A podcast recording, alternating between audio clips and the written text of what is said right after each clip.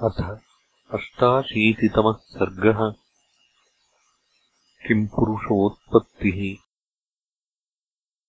ताम् कथाम् ऐलसम्बन्धाम् रामेण समुदीरिताम् लक्ष्मणो भरतश्चैव श्रुत्वा परमविस्मितौ। तौ रामम् प्राञ्जलीभूत्वा तस्य राज्ञो महात्मनः। विस्तरम् तस्य भावस्य तदा पप्रच्छतुः पुनः कथम् स राजा स्त्रीभूतो वर्तयामास दुर्गतिः पुरुषः स यदा भूतः काम् वृत्तिम् वर्तयत्यसौ। तयोस्तद्भाषितम् श्रुत्वा कौतूहलसमन्वितम्। कथयामास काकुत्स्थः तस्य राज्ञो यथागतम्। तमेव प्रथमम् मासम् स्त्रीभूता लोकसुन्दरी ताभिः परिवृता स्त्रीभिः ये च पूर्वम् पदानुगाः। तत्काननम् विगाह्यासु विजह्रे लोकसुन्दरी। द्रुमगुल्मलताकीर्णम् पद्भ्याम् पद्मदलेक्षणा वाहनानि च सर्वाणि सा त्यक्त्वा वै समन्ततः। पर्वताभोगविवरे तस्मिन् रेमे इळा तदा अथ तस्मिन् वनोद्देशे पर्वतस्याविदूरतः। सरः सुरुचिरप्रख्यम् नानापक्षिगणैर्युतम् ददर्श सा इला तस्मिन् बुधम् सोमसुतम् ततः। ज्वलन्तम् स्वेन वपुषा पूर्णसोममिवोदितम् तपन्तम् च तपत्तीव्रम् अम्भो मध्ये द्वासदम्। यशस्करम् कामकरम् तारुण्ये पर्यवस्थितम् सा तम् जलाशयम् सर्वम् शोभयामास विस्मिता सहगैः पूर्वपुरुषैः स्त्रीभूतैरघुनन्दन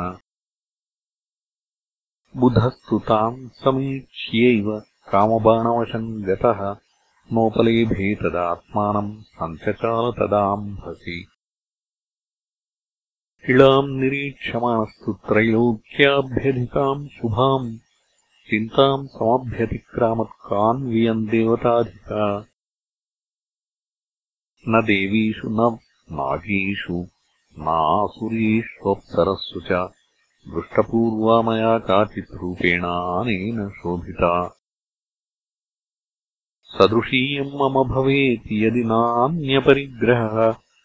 इति बुद्धिम् समास्थाय जनात् कूलम् उपागमत् आश्रमम् समुपागम्य ततस्ताः समदोत्तमाः शब्दापयतधर्मात्मा ताश्चैनन्त्य ववन्दिरे। स ताः पप्रच्छधर्मात्मा कस्यैषा लोकसुन्दरी। किमर्थम् आगता चैव सर्वमाख्यातमातिरम्? शुभम् तु तस्य तद्वाक्यम् मधुरम् मधुराक्षरम्।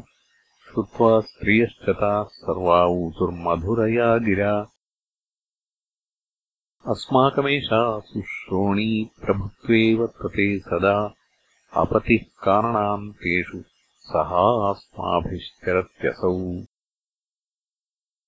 तद्वाक्यमव्यक्तपदम् तासाम् स्त्रीणाम् निशम्य च विद्याम् आवर्तिनीम् पुण्याम् आवर्तयत सद्विजः। सोऽर्थम् विदित्वा सकलम् तस्य राज्ञो यथागतम् सर्वा एव स्त्रियस्ताश्च बभाषे मुनिपुङ्गवः।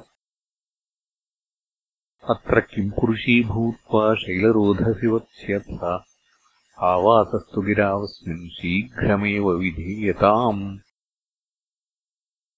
मूलपत्रफलैः सर्वावर्तयिष्यथ नित्यदा।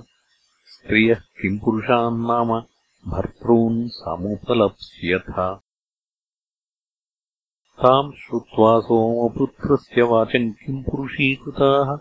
उपासाम् चक्रिरे शैलम् वध्वस्ता बहुलास्तदा।